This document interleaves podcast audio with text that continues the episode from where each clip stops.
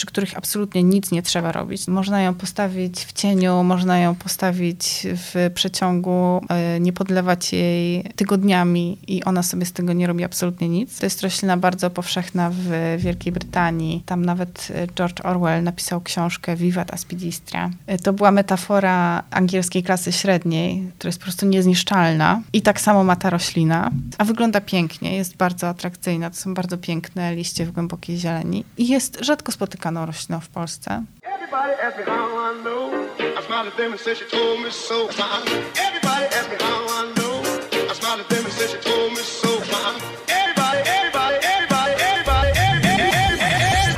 E, moi drodzy, moim, a przede wszystkim waszym gościem jest y, Olga Bukowska, prosto z Plants for Humans. Tak. Cześć. Czy chciałabyś w jakiś sposób dodać, pokolorować swoją postać już na samym początku? Chyba nie, nie czuję potrzeby kolorowania się dodatkowo. Porozmawialiśmy sobie chwileczkę przed nagraniem o kompletnie innym temacie, e, czyli o motoryzacji, ale w wydaniu zielonym. Tak. Tak. E, natomiast e, ten podcast będzie bardzo szeroko traktował o kwiatach wszelkiego rodzaju i też chciałbym, zobaczymy czy nam to wyjdzie, mam nadzieję, że tak, stworzyć jakiś taki mini poradnik tego, jak do tych kwiatów podchodzić, bo wiem Olga, że ty masz... Super trochę szczególne podejście na, nazwijmy to, kwiatowej mapie Polski. Tak. Czy, to znaczy, nawet nie wiem, czy mam szczególne podejście, ale, yy, ale wydaje mi się, że, że mam swoje podejście, które bardzo mocno staram się, którego bardzo mocno staram się bronić. I ono kiełkuje od jak dawna w tobie? Ja nie jestem warszawskim autochtonem i y, to nie jest mój klimat. Jakby duże miasto nigdy nie było moim marzeniem. Ja przeprowadziłam się tutaj z miłości. I dopiero kiedy tutaj zamieszkałam i pracowałam w korporacji, jakby prowadziłam bardzo szybki tryb życia, w pewnym momencie zorientowałam się, że nie zauważyłam, jak zmieniły się pory roku. To znaczy pracowałam tak intensywnie, że późną wiosną zorientowałam się, że kurczę, chyba w tym roku ominął mnie ten etap, e, w którym zauważyłam a w zasadzie nie zauważyłam e, rozwijających się pąków, że nie zauważyłam, kiedy, kiedy, kiedy tutaj na liściach, na drzewach pojawiły się liście.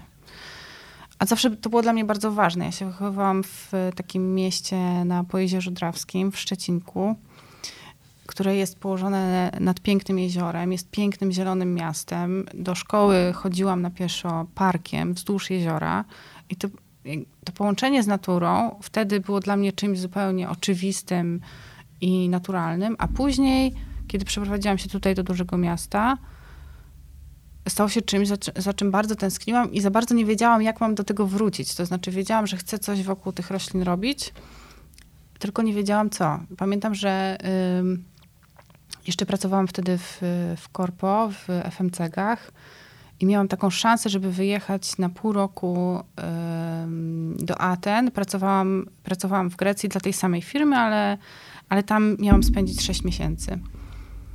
I w tym samym czasie jakoś tak się złożyło, że ym, zabukowałam kurs ogrodniczy, bo pomyślałam sobie, że dobra, muszę w końcu jakoś zacząć wokół tego ogrodnictwa się kręcić. I ludzie myśleli, że ja po prostu oszalałam, bo ja co dwa tygodnie z tych Aten przylatywałam na weekend do Polski. Na kurs ogrodniczy? Na kurs ogrodniczy, tak. No to trochę tak było. tak, tak. I to pokazuje, jak bardzo dla mnie to było istotne. Mimo, że ja wtedy jeszcze w ogóle nie wiedziałam, co, jak ja mam pokleić te rośliny i tę naturę z moim życiem i jak, jak się w tym odnaleźć, to ja już wtedy bardzo mocno starałam się walczyć o to, żeby tę drogę dla siebie znaleźć. To znaczy, to było trochę po omacku i trochę takie strzelanie na oślep. To był kurs, który dotyczył projektowania ogrodów zewnętrznych. No, jakby mam fajnych znajomych z tego, z tego kursu i na pewno czegoś się tam nauczyłam, ale nie jest to w żaden sposób związane z tym, co teraz robię. Ale jakby to pokazuje, jak bardzo to było dla mnie ważne już wtedy. To było cztery lata temu.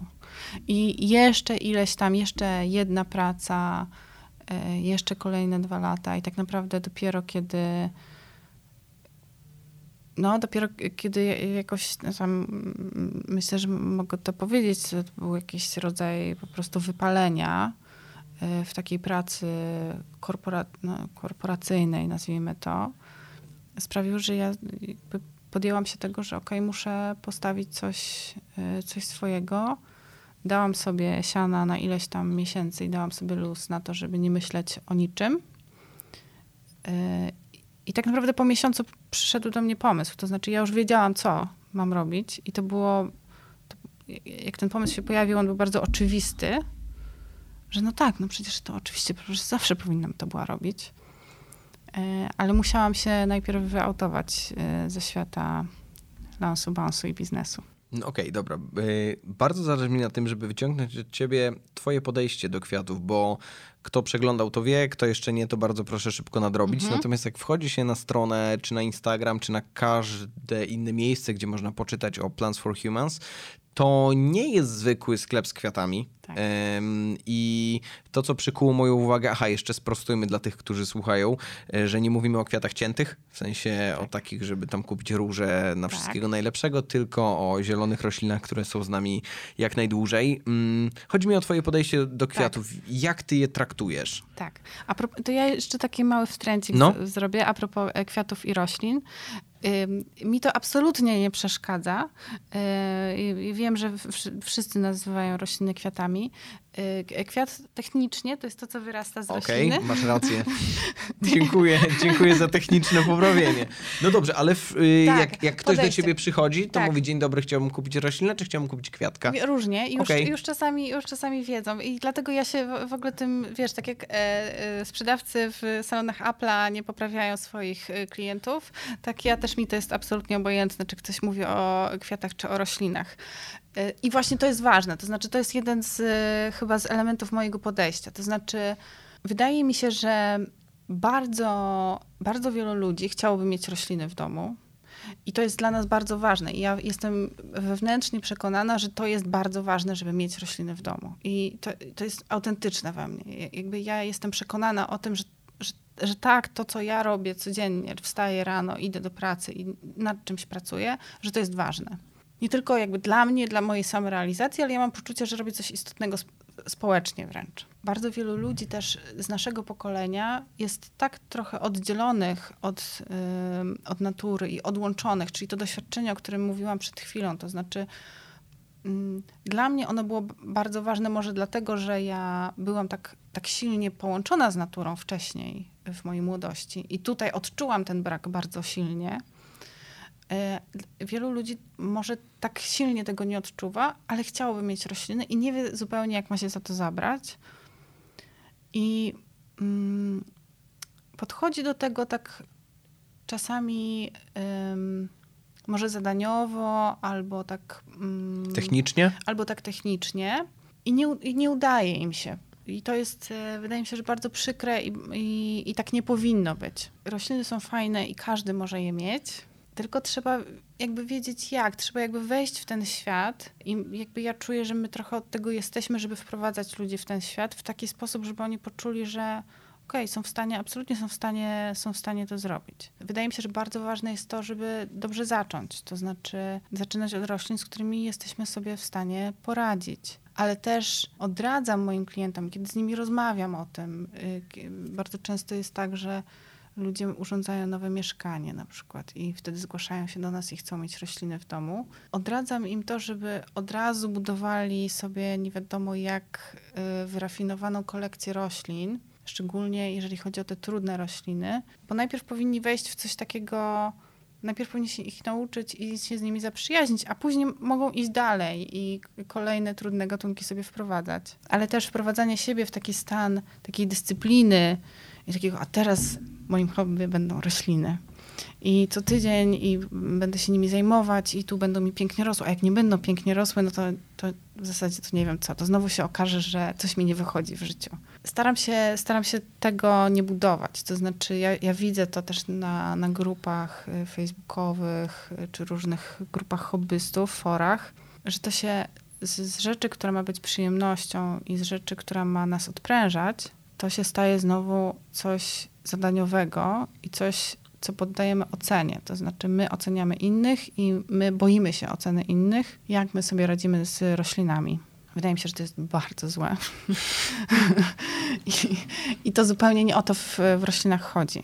No dobra, a takie podejście, że nie wybieramy konkretnego gatunku, tylko możemy u ciebie kupić na przykład Antka z Tanzanii. Mm. One oprócz Mówisz tych aspektów wizualnych niosą za sobą dla ciebie, a może nie tylko dla ciebie, Tak. jakąś magię, jakiś przekaz? Tak. Słuchaj, imiona mają, są takim dość sprytnym zabiegiem.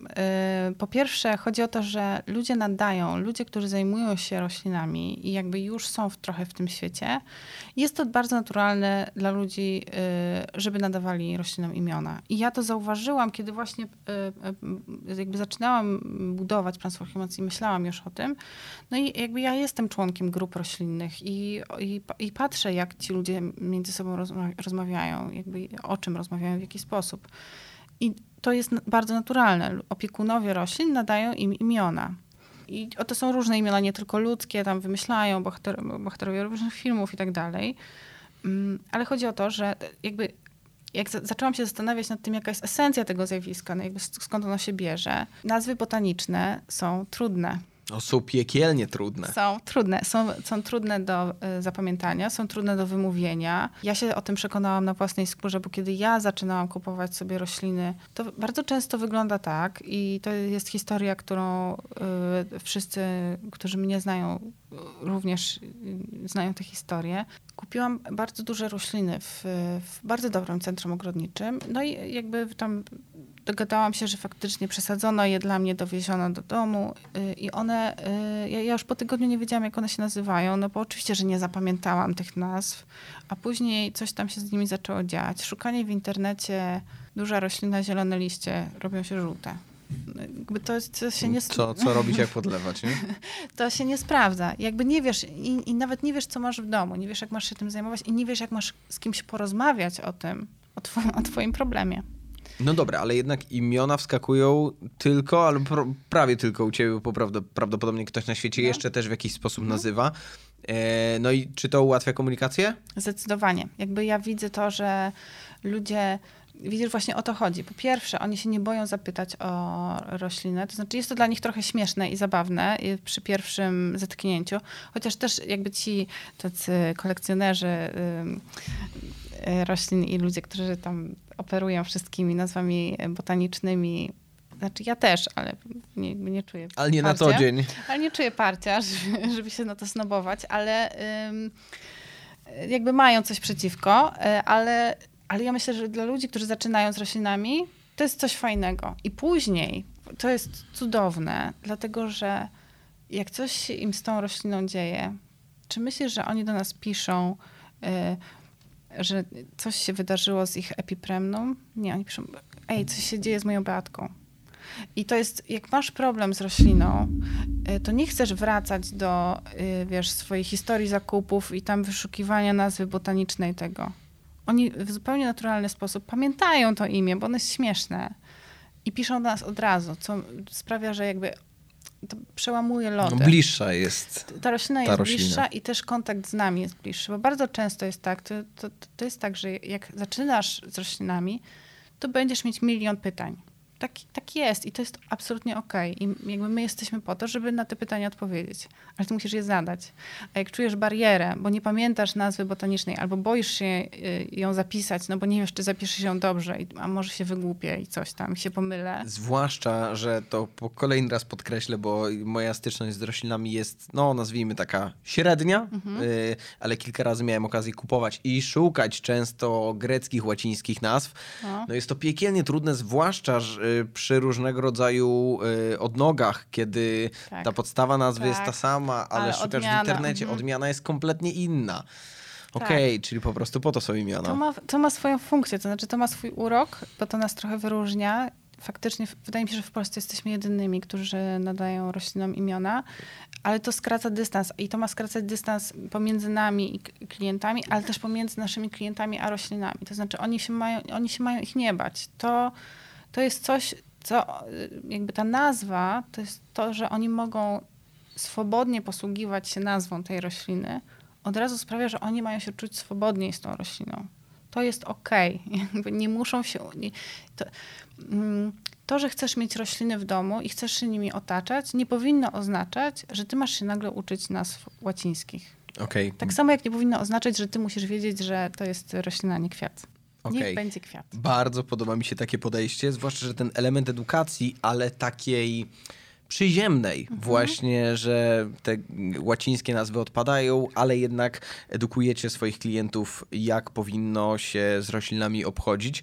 Powiedz mi, czy jest jakiś taki próg wejścia, albo bardziej pytam o gatunki, które najłatwiej, o które jest dbać najłatwiej i one są na, na początek po prostu najlepszym wyborem. Tak, zdecydowanie są takie gatunki i wydaje mi się, że utarło się trochę w takim powszechnym myśleniu, że to jest zaledwie tam dwa czy trzy gatunki, to jest Sansevieria i Zamiokulkasy, nie wiem, czy kojarzycie Sansevieria, to są te szpady, takie bardzo twarde y, liście, które wyrastają prosto z ziemi i mają takie często żółte brzegi. I Zamiokulkasy, które mają takie grube łodygi i małe y, błyszczące liście takie grube, skórzaste. One są bardzo powszechne i popularne i są w biurach przede wszystkim, albo w takich miejscach użyteczności publicznej. I wielu ludzi, wielu ludziom wydaje się, że mm, jakakolwiek roślina jakby spoza tego repertuaru, to już będzie trudna. Okej. Okay. I wydaje mi się, że to jest pokłosie tego, że faktycznie ludzie, którzy zajmowali się roślinami, czy urządzali takie miejsca i wnętrze właśnie publiczne, skupiali się na tych dwóch gatunkach. A tych roślin jest więcej. Roślin, które są naprawdę proste w utrzymaniu. I są takie rośliny, od których, y, przy których absolutnie nic nie trzeba robić, tak samo jak przy Sansevierii i przy Zamiopulkasie. To, jest, to może być aspidistra, która u nas jest nazywana staśkiem z Japonii który jest naprawdę niesamowitym twardzielem. To jest roślina bardzo powszechna w Wielkiej Brytanii. E, tam nawet George Orwell napisał książkę Vivat Aspidistra. E, to była metafora angielskiej klasy średniej, która, która jest po prostu niezniszczalna. I tak samo ma ta roślina. E, można ją postawić w cieniu, można ją postawić w przeciągu, można e, nie podlewać jej tygodniami i ona sobie z tego nie robi absolutnie nic. A wygląda pięknie, jest bardzo atrakcyjna. To są bardzo piękne liście w głębokiej zieleni i jest rzadko spotykaną rośliną w Polsce. To może być właśnie beatka, czyli epipremnum, piękne pnącze, które, które Wystarczy regularnie podlewać, ona też bardzo ładnie sygnalizuje, kiedy ma za mało wody, bo te liście po prostu wiotczeją i wystarczy to wiedzieć i już. To może być też agleonema, jedna z moich ulubionych roślin, jeżeli nie ulubiona roślina, która to była roślina, którą zajmował się Leon Zawodowiec. I on tam przy niej po prostu wykonywał różne operacje i manewry, ale to jest roślina, która rośnie sama jakby tam naprawdę nic nie musisz robić, możesz być kompletnym laikiem, a ona będzie nieustannie wypuszczać nowe liście, będzie nie, mo, może ci zakwitnąć w domu, co jest jakby takim och, ach e, rośliniarskim. I, e, i nie, nie musisz wiedzieć nic. Więc jest jakby bardzo, jest dużo więcej jeszcze gatunków roślin, mm, które są bardzo proste w obsłudze, mogą ci przynieść bardzo dużo satysfakcji jako opiekunowie, bo to jest też dla mnie bardzo ważne a nie musisz przy nich robić nie wiadomo czego.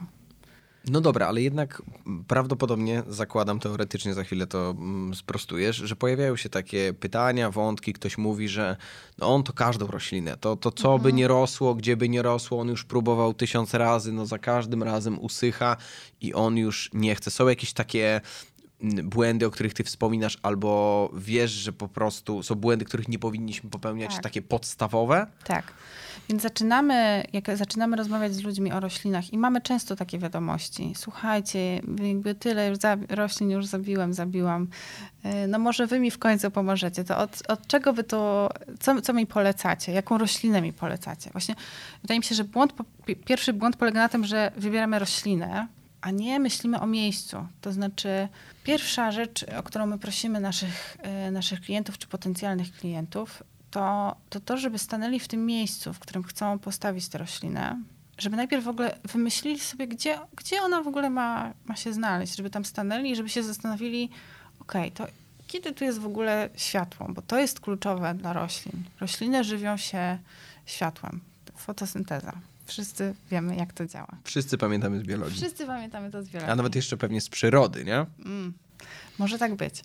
I mm, stoimy w tym miejscu, no i nagle ludzie muszą sobie uświadomić, że są takie rzeczy jak strony świata. I niektórzy dopiero wtedy dopiero zaczynają się orientować, to jest ciekawe dla mnie też, na jakie strony wychodzą okna w ich domu. To też jest taki, ja, ja o tym mówię jako momencie mindfulness, to znaczy, że wtedy musisz się jakby tak trochę przyjrzeć temu, jak również w twoim domu pracuje natura, no bo słońce i to, jak ona się porusza, to też jest jakiś, jakiś kontakt z naturą, to, że my jesteśmy tego świadomi. Wielu ludzi nie jest tego świadomych i kiedy my im mówimy, dobrze, to na którą stronę wychodzą te okna, albo o której porze dnia tam świeci słońce. Na prawo. Tak, tak, to, to, to jest pierwszy moment, kiedy oni sobie zdają z tego sprawę, że o, ja mam wschodnie okna. No tak. W zasadzie, w zasadzie tak. To jest bardzo ciekawe. No i wtedy dobieramy roślinę bardziej do tego miejsca. To znaczy mówimy, ok, jeżeli masz wschodnie okno, no to tutaj jest taki zestaw roślin, który się do tego wschodniego okna nadaje. No i teraz czego ty szukasz? Czy szukasz rośliny, która, um, która jest bezpieczna dla zwierząt? Nie. Ile masz czasu? Um, jakie tam są, jakie... Oprócz jakby warunków świetnych też jest bardzo ważny twój styl życia. Mamy ludzi, którzy faktycznie chcą wejść w rośliny, e, chcą, żeby to było ich hobby, jakby czują, że, że jakby mają ambicje, żeby naprawdę to robić i mają czas i wybierają gatunki, które wymagają trochę więcej uwagi, ale mamy też klientów, którzy mówią nam, słuchajcie dziewczyny, bo my w zasadzie to 7 razy w roku wyjeżdżamy na kilkutygodniowe wakacje. Czy my możemy mieć w ogóle rośliny? Więc tak, możecie, e, tylko trzeba dobrać odpowiednie gatunki, które to zniosą. Okay. Więc jakby pierwsze światło, po drugie jakby warunki takie w stylu... No odpowiadającej roślinie, przy, nie? Tak, przyciągi, nieprzeciągi, otwarte drzwi i tak dalej, rozmiar. I trzecia rzecz, styl życia. To znaczy styl życia właściciela. A, mm, i, I to są takie rzeczy, które są kluczowe, a mam wrażenie, że w opozycji do tego, co to się dzieje często przy zakupie rośliny, to to, to że wchodzimy do jakiegoś sklepu i patrzymy na liście i mówimy, o ta jest ładna, bierzemy ją pod pachę, zanosimy do domu, stawiamy ją jeszcze się tak w sklepie tak już zaczynamy trochę myśleć o tym, gdzie ją postawimy. Stawiamy ją tam. E, nie pamiętamy dokładnie, jak się nazywała, albo czytamy tylko te instrukcyjki, takie e, te, te ikonki, słoneczko, zachmurko, konewka mała, duża i coś tam. Ale tak naprawdę to podlewamy po prostu co tydzień tyle, ile nam wleci. A później się dziwimy, że Y, że nie żyje. Zadam czysto techniczne pytanie. Mhm. Jak rozpoznać, ile podlewać? Bez etykiety. Zgubiliśmy etykietę, nie wiemy, jak się kwiatek nazywa. Tak. Po pierwsze, moment podlewania wyłapujemy w taki sposób, że najłatwiej. Ja wiem, że niektórzy robią to różnymi urządzeniami i patyczkami. Ja korzystam z palca, dlatego że jest, zawsze go mam przy sobie. Wsadzamy palec do ziemi. Chodzi o to, że korzenie roślin, czyli to, czym roślina pobiera wodę, znajdują się jednak kilka centymetrów pod powierzchnią, więc nie dotykamy tego, co jest tam na powierzchni dookoła roślinki tej ziemi, bo tam ona wysycha bardzo szybko. Już nawet następnego dnia czy dwa dni po podlaniu już potrafi być suche, więc trzeba wsadzić palec głęboko.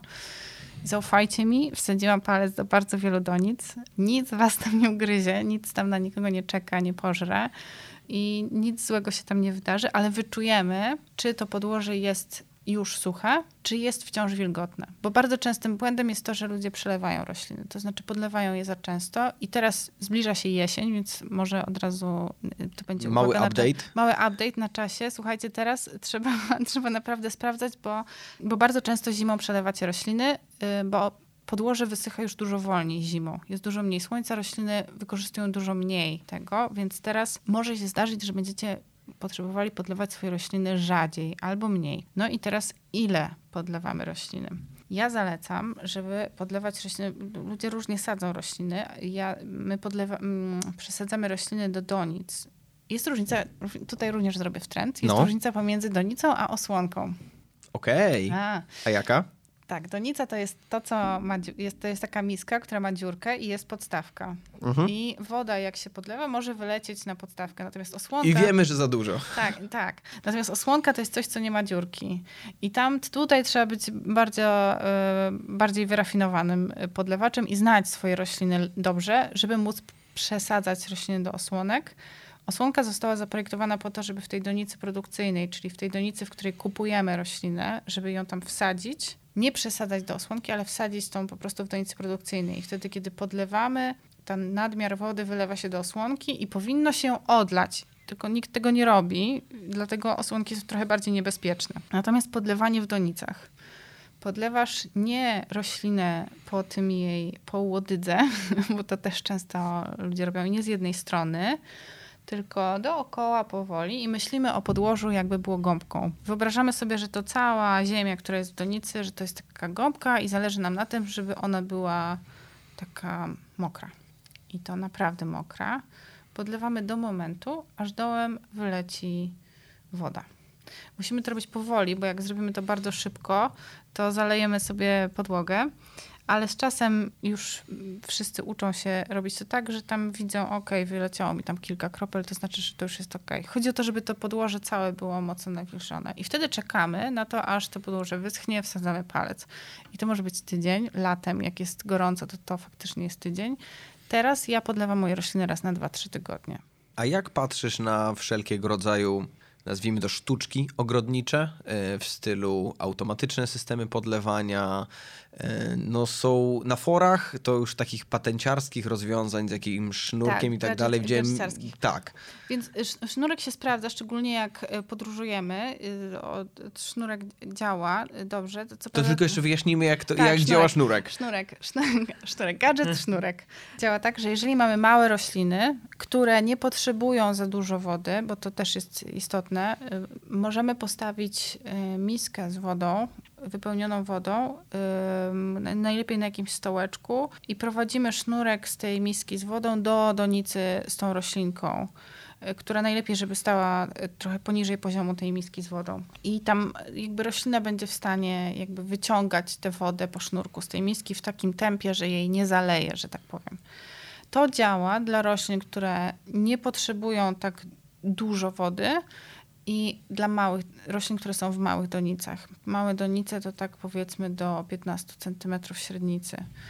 Wtedy to, wtedy to działa.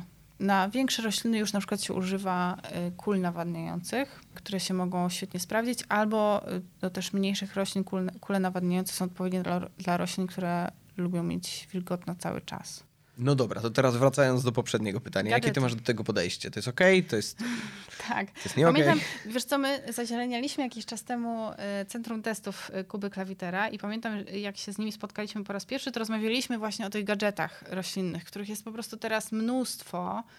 E, również takich startupów około roślinnych, no bo dżungla jest teraz na, na, czasie i są na przykład takie, takie donice z wyświetlaczem LCD, który ma uśmiechniętą buźkę albo smutną buźkę w zależności od tego, czy masz, jak, jak, jak wilgotny jest podłoże. Jak kwiatek dzisiaj się czuje. Jak kwiatek dzisiaj się czuje, tak. Roślinka. Albo ym, donice z nóżkami, które chodzą i szukają światła po, y, po domu. Wow, tak. no to fajne, no. No czad. Więc mój stosunek do tego jest taki.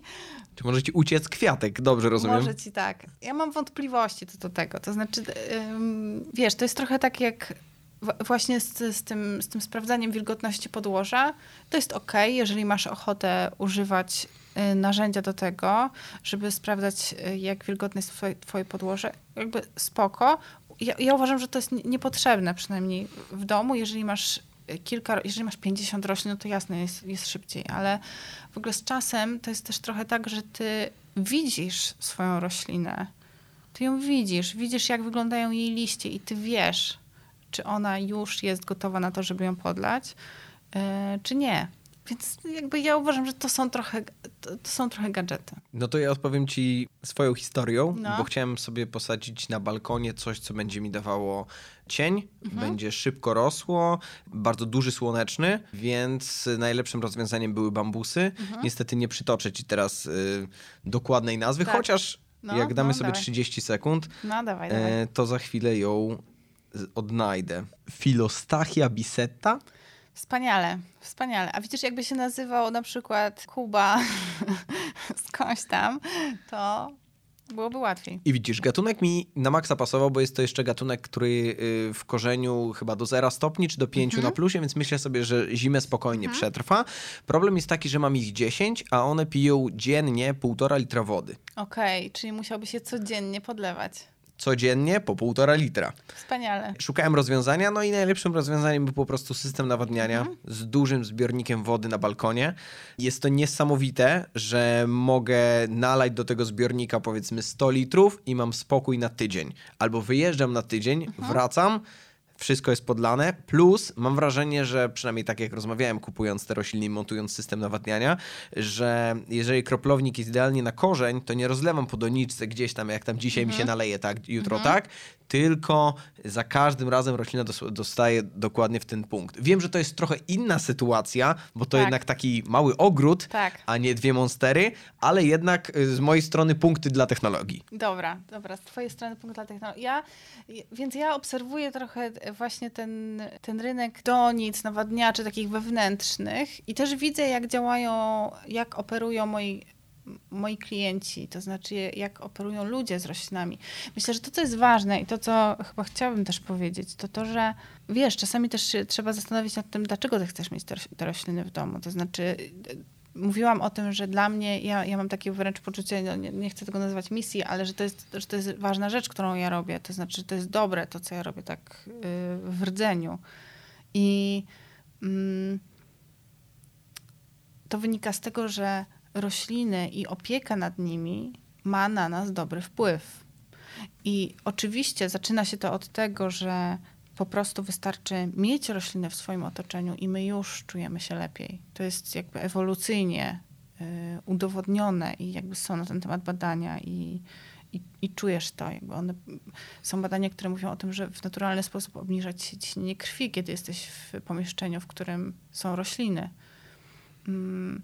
W, w Japonii przypisuje się spacer po lesie jako jeden z elementów terapii. W Wielkiej Brytanii też ostatnio to wprowadzono. Jakby jest to oficjalnie zaakceptowany model te- terapii dla ludzi chorych. Kontakt z naturą. No to opiekowanie się roślinami również ma na nas dobry wpływ.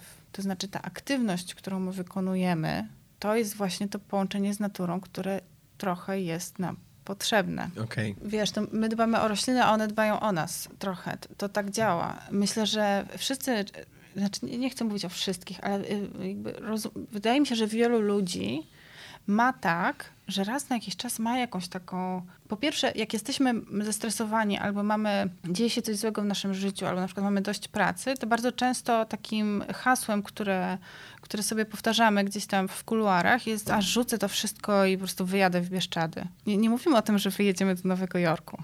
No, masz rację. Nie, nie mówimy o tym, że wyjedziemy do jakiegoś miejsca zatłoczonego, tylko mówimy o tym, że wyjedziemy w Bieszczady, które dla nas wszystkich w Polsce są synonimem głuszy i takiego miejsca, w którym możemy się odłączyć, w którym będziemy tylko my i drzewa i po prostu za- założę hodowlę kus i będę robić sery. I to jest jakby, to jest, to jest bardzo ciekawe zjawisko, gdzie my myślimy o tym, że będziemy robić coś na przykład rękoma. Jakby to na nas działa. My w, w mieście i w, w otoczeniu właśnie technologii, w otoczeniu gładkich powierzchni, białych ścian, bieli w ogóle, żyjemy bardzo krótko. To nie jest dla nas coś naturalnego. I z jednej strony tak, jestem za tym, żebyśmy pomagali sobie technologią.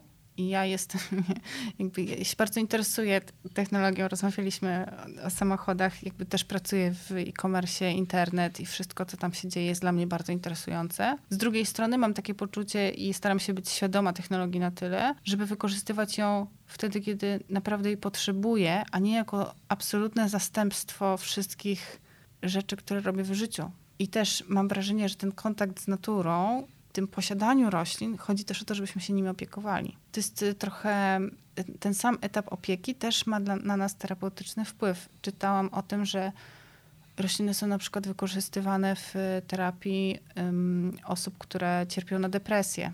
Jakby jest to dla nich coś, czym oni, czego są w stanie się podjąć. Takiej opieki i nie czują się przytłoczeni tym że, że to jest jakieś wielkie wyzwanie. Jakby samo dbanie też może nam dużo dać. A z twoich obserwacji, kiedy rozpoczęła się pandemia, zostaliśmy zamknięci w domach, to wystrzeliły te domowe dżungle albo zapotrzebowanie na nie? Zdecydowanie. Ja mam wrażenie, że to, to, to, był dla nas, to był dla nas szok. Ja pamiętam, jak wprowadzono kwarantannę i myśleliśmy, Boże, chyba po prostu się zwiniemy stąd. I już po prostu ja pisałam plany na e, jakby takie rescue plans na, e, na to, co zrobimy. A okazało się, że ludzie zamknięci w domu zaczęli się rozglądać e, i zauważyli, że czegoś im w domu brakuje. Znaczy wielu rzeczy i IKEA myślę, że też przeżyła swój prime time, ale jedną z tych rzeczy były rośliny. I to też pokazuje, byliśmy w tym trybie takiej pracy, jeżdżenia, wychodzenia, wracania i dom był naszą sypialnią. I nagle, kiedy zaczęliśmy w nim być i spędzać w nim czas, to okazało się, że potrzebujemy roślin, między innymi. To mnie bardzo cieszy.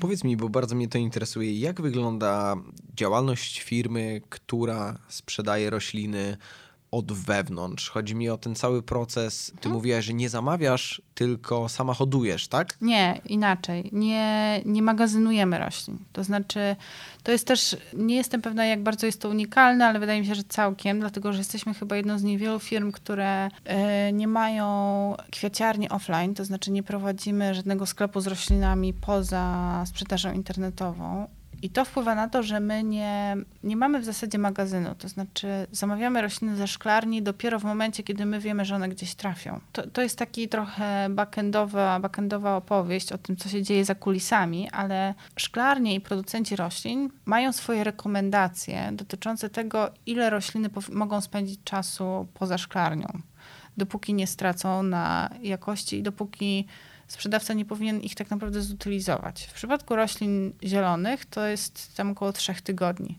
Poczekaj, czyli przez roślina sobie rośnie tak, roślina i sprzedawca wie, że ma trzy tygodnie, żeby ją sprzedać? Tak, więc roślina sobie rośnie. Jest, y, y, zacznijmy od początku. Roślina sobie rośnie i to nie rośnie w Europie, tylko rośnie sobie w Afryce, w Ameryce Środkowej albo w Azji Południowo-Wschodniej. Bo? Bo tam są warunki do tego, okay. żeby rośliny rosły. Tam rośnie szybciej, dobra. Tam rośnie szybciej, jest tam jest miejsce, które jest dużo tańsze niż w Europie. Jest praca, która jest dużo tańsza niż w Europie i są naturalne warunki, światło, temperatura, e, jakby woda, klimat i tak dalej. Wszystko, wszystko sprawia, że tam idzie łatwiej. Okay. Pomijając już fakt, że taniej. Później te rośliny, które już są na jakimś poziomie wzrostu, dopiero wtedy trafiają do Europy i wydaje mi się, że w 90%, jeżeli nie w 100%, trafiają do Holandii. No nie w 100, nie w 100, ale w 90% trafiają do Holandii. Tam są szklarnie. I ta szklarnia to jest tak naprawdę ostatni etap tych roślin. To znaczy one tam dorastają, już tam są jakby dopiero wsadzane do donic, dopiero tam są wsadzane do tych donic produkcyjnych, tam są jakby segregowane, sortowane, ustawione pod względem y, wielkości, ilości, klasy i tak dalej. Rośliny mają swoje klasy. I w momencie, kiedy ona wyjeżdża ze szklarni, to mówi się, że to jest moment, w którym jakby, więc jej jakoś, jakby wartość tej rośliny cały czas rosła. Szła do góry, jeżeli wyobrażalibyśmy sobie taki wykres. W momencie, kiedy opuszcza szklarnię, jej wartość zaczyna spadać. I jakość również. No bo to jest żywy organizm. Jakby jej podróż jest wielkim stresem dla rośliny. Mówiłam ci o tym, że rośliny karmią się światłem. Więc teraz rośliny optymalizują ustawienie swoich liści do słońca. Do światła, do, okay. do światła. Czyli jak, jak jest w ciężarówce trzy dni... Nie jest nigdy trzy dni w ciężarówce, ale to, co się z nią dzieje dalej. Więc ona wyjeżdża ze szklarni i jedzie do Polski. To trwa jeden dzień. Jest w Polsce. Powiedzmy, że trafia do kwiaciarni no i jest, najpierw, najpierw trafia do magazynu, później jest rozwożona do kwiaciarni, trafia do kwiaciarni, jest ustawiana w jakimś tam miejscu. Przyjeżdża tych roślin dużo, część się sprzedaje, część nie i jest przestawiana gdzieś dalej. I tak jakby spędza ten czas w ruchu cały czas, mhm. Mm, niekoniecznie będąc też w optymalnych warunkach. Nie wszystkie kwiaciarnie mają optymalne warunki świetlne. A ta roślina musi co chwilę przestawiać, że tak powiem, swoje liście, żeby optymalizować swoją fotosyntezę, no bo ona ma jakiś rozmiar liści i swój w ogóle. I ona potrzebuje ileś tych cukrów. I jeżeli nie może ich robić, no to y, ich sobie wyprodukować, no to jakby mówi się o tym, że jakość tych roślin spada. To jest dla nich stres po prostu. Okay. Dopiero kiedy roślina znajdzie się w ostatecznym miejscu, w tym docelowym, czyli w twoim domu, no. to znowu jej wartość zaczyna rosnąć i zaczyna się podnosić. O kurczę, no dobra. Więc czyli... mówi się, więc e, ci szklarze mają zalecenie do kwiaciarzy, którzy mają kwiaciarnie offline, czyli takie standardowe, że sukulenty chyba powinny się, powinny zrotować, czyli sprzedać się w ciągu chyba miesiąca czy dwóch, bo one są jakby łatwiejsze. Natomiast, natomiast rośliny zielone powinny się sprzedać w ciągu trzech tygodni, a później jakby ich wartość już jest spadła na tyle, że jakby ta roślina już jest niesprzedawalna. No to teraz y, moje oczy Więc otworzyły teraz- się bardzo szeroko, więc, więc tak. teraz zestawmy to. Więc teraz, teraz to, jak, to, jak my to robimy, bo robimy to inaczej, bo to też ma znaczenie. Dzięki temu, że my, nie, ja nie zamawiam tych roślin, one nie stoją u mnie. My zamawiamy je w każdy wtorek na podstawie zamówień z poprzedniego tygodnia. Jakby wiemy, co nam jest potrzebne, czego nasi klienci potrzebują, co u nas zamówili. Te rośliny wyjeżdżają ze szklarni w środę. W czwartek wieczorem są już w Polsce pod Warszawą, w piątek rano są u nas. My je przesadzamy u nas, bo bardzo wielu klientów zamawia u nas rośliny już z przesadzeniem. I w sobotę ta roślina jest u klienta w domu. Więc jakby ten czas pomiędzy szklarnią a domem jest skrócony do czterech dni. W opozycji do nie wiadomo ilu dni, które może spędzić roślina gdzieś w kwiaciarni albo gdzieś w jakimś sklepie e, takim murowanym, brick Okej. and mortar, tak? Okej. Wydaje mi się, że to jest bardzo ważne i jakby ten czas jest skrócony, ta roślina tak przechodzi stres, no bo ona musi jakoś tutaj dopodróżować, ale w tym momencie, kiedy ona się znajdzie już w tym domu, w tym swoim dostatecznym, ostatecznym miejscu, ona tak naprawdę tylko raz wykonuje ten wielki wysiłek, bo to jest dla roślin wielki wysiłek, przestawienia liści. Ona fizycznie obraca liściem. Jakby bardzo często możesz zobaczyć, że rośliny, szczególnie kiedy stoją wiele lat, nawet w jednym, W jednym miejscu, miejscu. są bardzo specyficznie wyrośnięte, tak? Tak, do słońca stronę. i jakby plecami do ściany, tak to nazwijmy. Tak. No, O kurczę, no to naprawdę moja wiedza w tym momencie poszerzyła się razy milion, jeżeli Proszę. chodzi o ten proces. to powiedz mi w takim razie. tak, to e, jest, to jest ciekawe, ale, ale no, to No dobra, się. czyli po prostu jakby ograniczacie do maksimum. Stres roślin. Okej, to ryzyko, że ona się Nie w- przyjmie. nie przyjmie albo prze... e, Chciałem użyć przekwitnie, no ale to bardzo nietechniczne i niepasujące, więc... Tak, to znaczy cho- chodzi o to, że ona po prostu. Rośliny mają też właśnie swoje klasy jakości, więc y, my- my sp- sprowadzamy jakieś tam rośliny klasy jakości A1. I oczywiście, że te rośliny kosztują więcej niż rośliny innej klasy, czy tam klasy B, czy C. Jeżeli my deklarujemy, że ta roślina ma taką wartość i ona kosztuje tyle, no to jakby płacisz za to, że coś takiego dostaniesz.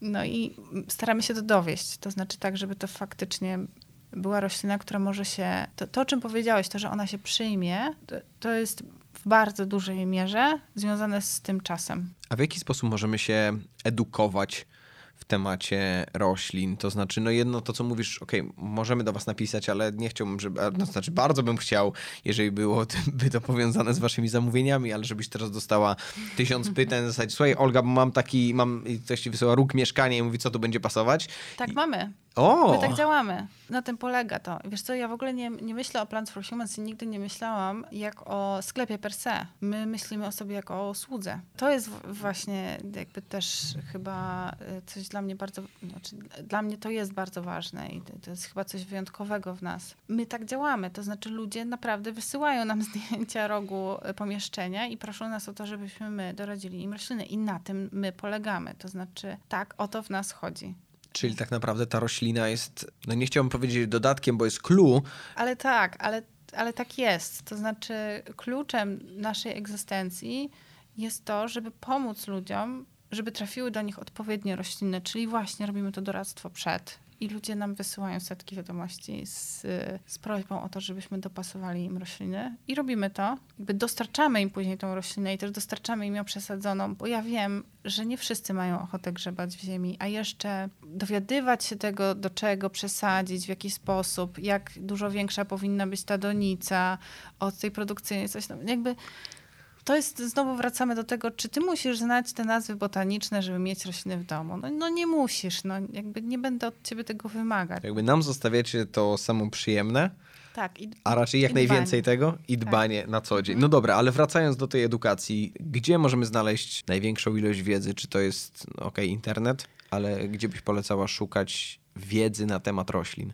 Wiesz co, po pierwsze, jak ja się uczyłam o roślinach, to oczywiście jakby internet jest najłatwiejszym miejscem, ale też trzeba znaleźć takie miejsca w internecie, które mają tę wiedzę na określonym poziomie. I wydaje mi się, że na samym początku to nie jest najlepsze miejsce. To znaczy, tam jest tak bardzo dużo anegdotycznych opowieści i takich, a mi się udało, a mi się nie udało, a u mnie to było to, jakby nie, wy, nie wyniesiesz z tego nic. Jakby bardzo trudno jest człowiekowi, który nic nie wie, jesteś zielony, wchodzisz do takiego środowiska i tam każdy ci mówi coś innego. Okay. Jest ci trudno. Polecam vintage'owe książki, szczególnie książkę Longmana, Pielęgnacji roślin domowych chyba, albo Pielęgnacja roślin zielonych. Można ją dostać jeszcze w antykwiaretach. To jest książka, jeżeli ktoś kiedyś chciałby zobaczyć, jak wygląda dobre usability zrobione w wersji książkowej, to, to jest ta pozycja. Ale też polecam, jest kilka for, w których są profesjonaliści, ludzie, którzy są ekspertami. I to też jest y, przewaga, wydaje mi się, że for nad grupami takimi facebookowymi, bo widać, kto jest ekspertem na danym forum, kto nie jest tylko jakimś tam bystanderem, który nagle stwierdził, że a wypowiem się. A, będę pisał o roślinach, tak, no. Tak, nie wiem, ale się wypowiem. Tylko widać, kto faktycznie tam ma jakby swój dorobek, powiedzmy, w doradzaniu i pomaganiu ludziom. Ja, ja korzystam bardzo dużo jednak z tego zachodniego nie, nie, z niepolskiego internetu. A w domu tak. faktycznie masz dżunglę? Mam. Co prawda moja dżungla jest specyficzna, bo jest bardzo e, przechodnia. To znaczy mam około, około 50, około 50 roślin, co jakby może nie jest dużo, bo wiem, że tam ludzie idą w setki czy tysiące. Moja dżungla podróżuje i to trochę też jest w moim wypadku tak... Poczekaj, twoja dżungla podróżuje, to w znaczy? Sensie, raz, że porusza się po domu, a dwa, że ja kogoś obdarowuję roślinami, a że akurat na mnie chce mi się jechać, więc biorę po prostu z domu jakoś... E. Okej, okej. Okay. okay. tak. Ale ja też, muszę ci powiedzieć, że ja też mam takie podejście, ja trochę eksperymentuję z roślinami, to znaczy sadzam je, przesadzam, przenoszę i sprawdzam, jak one się y, działają. Ale też ja jestem bardzo mało wymagająca w stosunku do siebie, jeżeli chodzi o właśnie o tą zadaniowość z roślinami. To znaczy one mają mi dawać przyjemność i ukojenie. Pomimo tego, że zajmuję się nimi profesjonalnie, to nie daję sobie takiego albo bardzo się staram i bardzo dużo energii w to wkładam, żeby nie zmuszać się do tego. To znaczy, żeby nie czuć się zobowiązaną do tego, że a teraz po prostu ja tutaj muszę rośliny. Staram się, żeby wciąż to była dla mnie przyjemność i na szczęście cały czas jest. Znaczy ja cały czas, jak siadam do przesadzania moich prywatnych roślin, to wciąż mi się chce. Że cały czas frajda. Tak, że cały czas to jest dla mnie ten moment, w którym i moja rodzina o tym wie, że jak ja siadam do przesadzania roślin, to znaczy, że jakby ja potrzebuję, to jest mój venting i ja potrzebuję, to jest mój moment y, dla mnie i nie należy wtedy do mnie podchodzić. A przy tak dużej ilości gatunków jest coś takiego, że niektóre się ze sobą nie lubią? Nie, raczej, raczej nie ma tak, że niektóre się ze sobą nie lubią. Niektóre źle ze sobą wyglądają. No, okej, okay, no dobrze, czyli jednak kwestia wizualna. tak, to też jest ważne. To też jest ważne, żeby jakby to wszystko ze sobą grało. Ale, ale nie, raczej nie ma tak, żeby się ze sobą nie lubiły. Ale jeżeli sadzam rośliny, bo teraz jakby w tym e, trochę siedzę, no to trzeba oczywiście zwracać uwagę na to, żeby rośliny, które są, różne gatunki, które są w jednej donicy, żeby miały podobne wymagania, żeby nie było tak, że sadzamy, nie wiem, kaktusy ze skrzydł kwiatem. Czyli Bo... podstawowa wiedza cały czas na plus? Tak. A powiedz mi, bo bardzo mnie to zaczęło interesować, elementy wizualne. Chodzi mi o to, czy jest no. teraz gatunek, który po prostu jest w modzie, że widzisz po zamówieniach, że prawdopodobnie tak, w tak. trendzie jest teraz.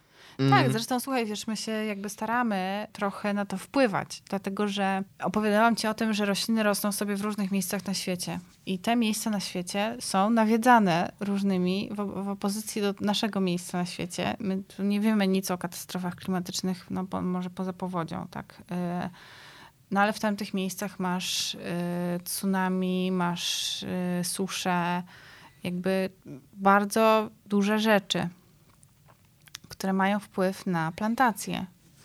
I my wiemy, jakie rośliny, z jakimi roślinami na przykład za chwilę będzie problem.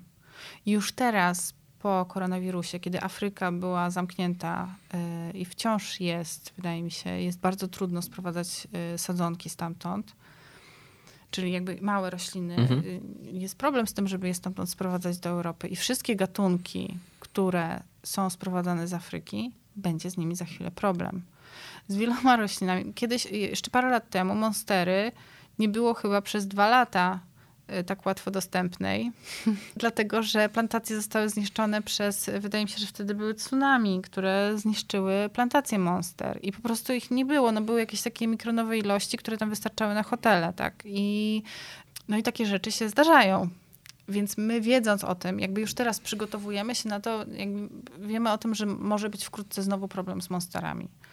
I przygotowujemy się na to i już zastanawiamy się nad tym, jakie gatunki będziemy chcieli proponować klientom, którzy będą szukali określonego właśnie tego wyglądu roślin. To znaczy ten efekt wizualny jest bardzo ważny. To jest ciekawe, bo on jest kreowany przez, wydaje mi się, że w dużej mierze magazyny wnętrzarskie i to, co się pojawia na przykład na Pinterestie, a wnętrzarze znają trzy rośliny na krzyż, więc, y, więc widzimy, że przykład strelicja biała jest super popularną rośliną w tej chwili, bo jest po prostu na każdym zdjęciu. Nie ma, chyba nie weźmiesz w tym momencie gazety wnętrzarskiej, nie przejrzysz zdjęć wnętrz. Na pewno będzie tam przynajmniej jedna strelicja. Więc my staramy się trochę wejść tam bokiem i rozmawiamy z wnętrzarzami, z architektami i z fotografami, którzy robią sesje zdjęciowe tak, wnętrz. Okej. Okay. I podsyłamy im rośliny i mówimy, słuchajcie, może spróbujcie zaaranżować to. Bo tak, no bo, bo za chwilę, wiesz, no wszyscy będą chcieli mieć te monstery, ale pomijam fakt, że znowu, to, to nie jest tak, że to jest jedna, jedyna roślina na świecie. Jakby jest tak jak, tak jak nie ma dwóch roślin, to nie jest tylko sansevieria i zamykulkas, które są łatwymi roślinami, to nie tylko... Ym, Strelicja i Monstera potrafią wyglądać spektakularnie we wnętrzach. Po prostu y, styliści wnętrz znają kilka roślin. No bo okay, tak sobie ubzdurali Nie, nie po zajmują prostu... się roślinami po prostu i, i wiele, wiele nowych gatunków, które ja im przywożę, mówią, wow, to wygląda całkiem nieźle, bardzo fajnie wygląda na zdjęciach i się zachwycają tymi roślinami, ale najpierw muszą po prostu je dostać, no i tyle. A jak trudne z twojej perspektywy jest, zakładamy sytuację, że Monstera znika, w zasadzie jej dostawy mhm, są bardzo, bardzo ograniczone. ograniczone. Jak trudne jest to, żeby ją wyhodować w Polsce? Hmm. Ale, okay. z, ale z czego? No i, no i teraz pytanie, czy, bo prawdopodobnie jakoś możemy to zrobić. Bardzo trudne. Taka 9 na 10, że nawet jakby nawet ci, teraz Olga się szeroko śmieje, e, czyli prawdopodobnie trafiłem jak dzik w sosnę. Jest to piekielnie trudne, rozumiem, tak? Tak, to znaczy, bo monstery się hoduje, jakby monstera musi mieć owoce i tam są nasiona i z tych nasion. Teraz najprawdopodobniej problem polega na tym, że jest tak duży jest tak duże ssanie na rynku, że nie ma wystarczająco dużo tych nasion, żeby w, w związku z tym będzie ograniczenie monster. Czyli opcja, żeby pojawiało się to w Polsce. Znaczy, żeby były hodowane w mhm. Polsce, bardzo, bardzo trudne. A masz jakieś marzenie związane z roślinami?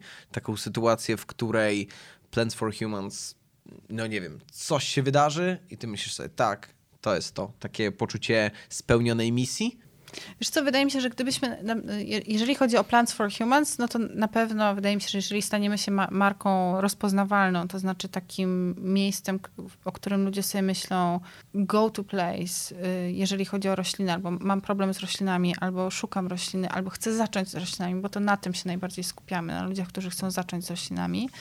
Jeżeli czymś takim się staniemy, czymś, co będzie istniało w świadomości, to wydaje mi się, że to będzie bardzo dużo. Skoro już siedzimy przy mikrofonach, to muszę zapytać, czy chciałabyś kogoś pozdrowić? Nie, nie. Nie? Poczekaj, bo musiałabym pozdrowić tak, teraz, teraz y, przechodzi mi w głowie mnóstwo ludzi, czy powinnam pozdrowić mojego męża? Czekaj, czy może jednak kolegów i koleżanki z pracy? Aha, hmm. czyli jednak tak bardzo standardowo. No właśnie. Myślałem, że jednak Antek z Tanzanii. O. o. W ogóle imiona to nie jest, to, to nie jest zupełnie tak, że one są zupełnie losowe. Szczególnie Teraz już y, trochę poluzowałam zasady, ale na początku to każdy Monstera to jest Grzegorz, to jest mój mąż. Monstera deliciosa, jakby. Rozumiecie poziom żartu. E, jest tam również mój syn. E, jest tam, są tam moi znajomi, są moi przyjaciele, jest e, nasi byli chłopakowie, moi i moje wspólniczki. I opisy... I tych... oni też są w Ta, kwiatach. Oni też Świetne. Tam są. No, to oni też tam są. Cieszę się, że dopłynęliśmy do tego punktu. Tak. To, i, więc to wszystko było nieprzypadkowe i kiedy pisałam opisy do tych roślin, ja naprawdę dopasowywałam te imiona do tych roślin i kiedy pisałam opisy, pisałam opisy ludzi. O rany. No. Widzę, to jest bardzo osobisty biznes, ale, ale bardzo mi się, no tak, mi to sprawia przyjemność. Mi wielką radość sprawia patrzeć ten, na ten twój uśmiech i wielkie zaangażowanie, jak o tym opowiadasz. E, Olga, bardzo ci dziękuję. Trzymam kciuki, żeby, mam powiedzieć, żeby rosły jak najszybciej? Czy to... Tak, super. Mhm. Tak? No dobrze. To niech w takim razie rosną jak najszybciej. Czy możemy się na przykład spodziewać nowych gatunków? Tak, wprowadzamy właśnie nowe gatunki, ale wydaje mi się, że to na co czekają ludzie tak naprawdę, to są donice. I będziemy produkować własne donice w końcu. I mam nadzieję, że jeszcze nigdzie tego nie mówiłaś. Nie. No i proszę bardzo. Czyli mamy cytat. Bardzo mnie Tak. to cieszy. Olga, dziękuję ci bardzo i do zobaczenia. Dzięki. Everybody